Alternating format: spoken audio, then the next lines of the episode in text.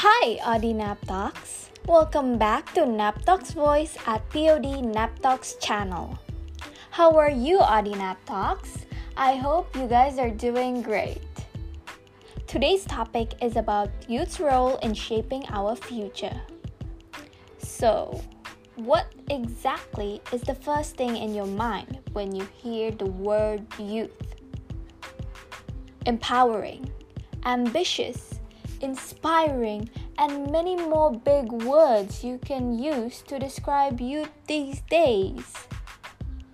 But have you ever imagined how our world would be without these youth?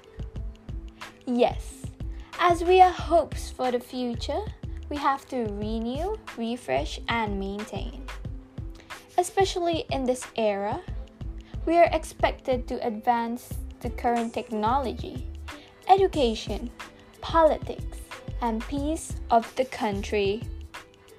While on the other hand, youth also have to maintain the culture of the country, all good values in the societies, development projects, and etc. With innovation and imagination, it can build potential to generate a positive change in the society. It is important for us to improve our potential skills to avoid being replaced by robots. Well, how do we youth contribute for our future? By knowing more of ourselves.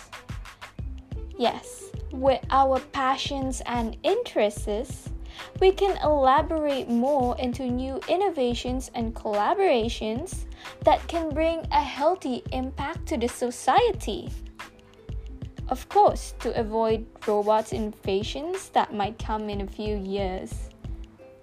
We should grow and build unique skills as an investment for our future, such as empathy and the four C's. Well, you may ask, what are the four C's? They are creative thinking, creativity, communication, and collaborations. And now I do have a few tips on how we can improve ourselves as a better youth for the future.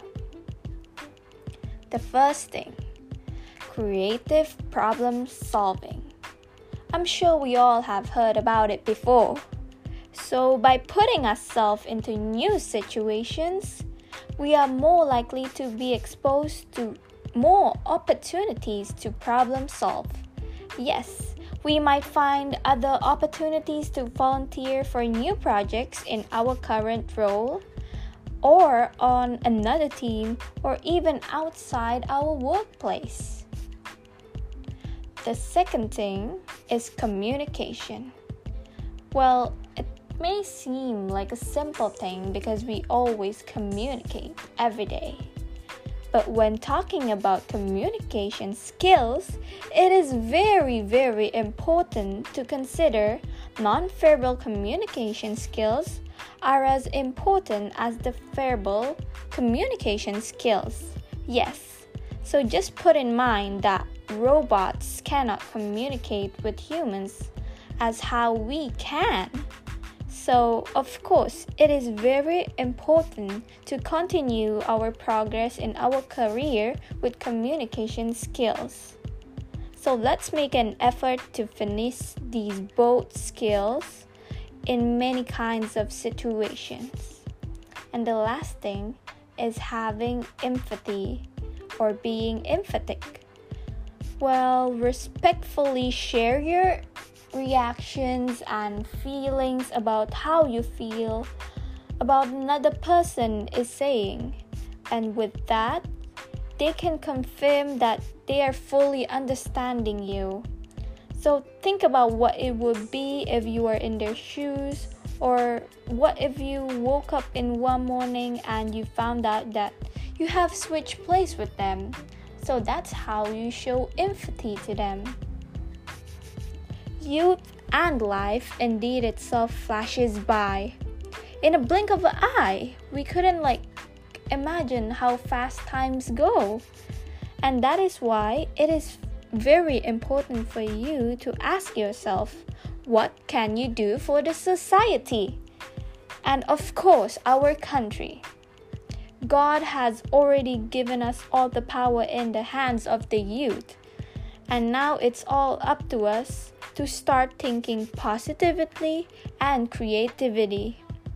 And we must develop the spirit on what's wrong in our society, and we must realize that it is now our time to take action.